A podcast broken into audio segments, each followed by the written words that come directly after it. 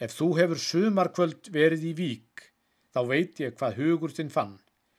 Þér síndist hún fögur, þér síndist hún rík, er sólinn við jökulinn rann. Frá ströndinni hefur þig hafum megjan fært, sem hlæjandi faðminn þér gaf, og lengra og lengra þér vaggaði vært, hýð volduga töfrandi haf. Og svona var kvöldið, svo heiðríkt og hlýtt, og höfnin var rennslett og blá, og geistlarnir höfð eins og gullindum nýtt, um gnóð er þar seglbúin lág. Það var eins og rán væra réttinni hönd við rennandi kvöldsólar skín og andvarinn hvíslaði íttu frá strönd þar áttu þinn tryggasta vín. Og eigjar og strendur og híminsins kvel þar höfnin í faðminum bar.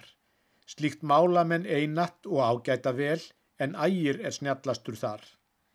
Í logninu fugglin um fjörurnar þaut og flögt yfir engjar og tún, hann veitti þar eiginum unað og skraut og Ólafi Stefensen dún. En hins vegar borgin við höfnina stóð og háttíða klæðin sín bar, á danskan, á enskan, á íslenskan móð og indæl og fásið hún var. Hún bar nokkuð drempin sinn Dannebróks hatt og dálítinn umskiftings keim, en ánægja var það, það segi ég satt, að sjá hann í búningnum þeim.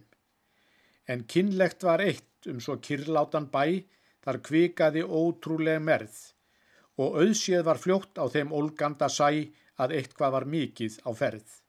Það var eins og hilsaði annari öld mitt auðmingja kúaða land og ætlaði að slíta þar af sér í kvöld sitt eldgamla hörmunga band.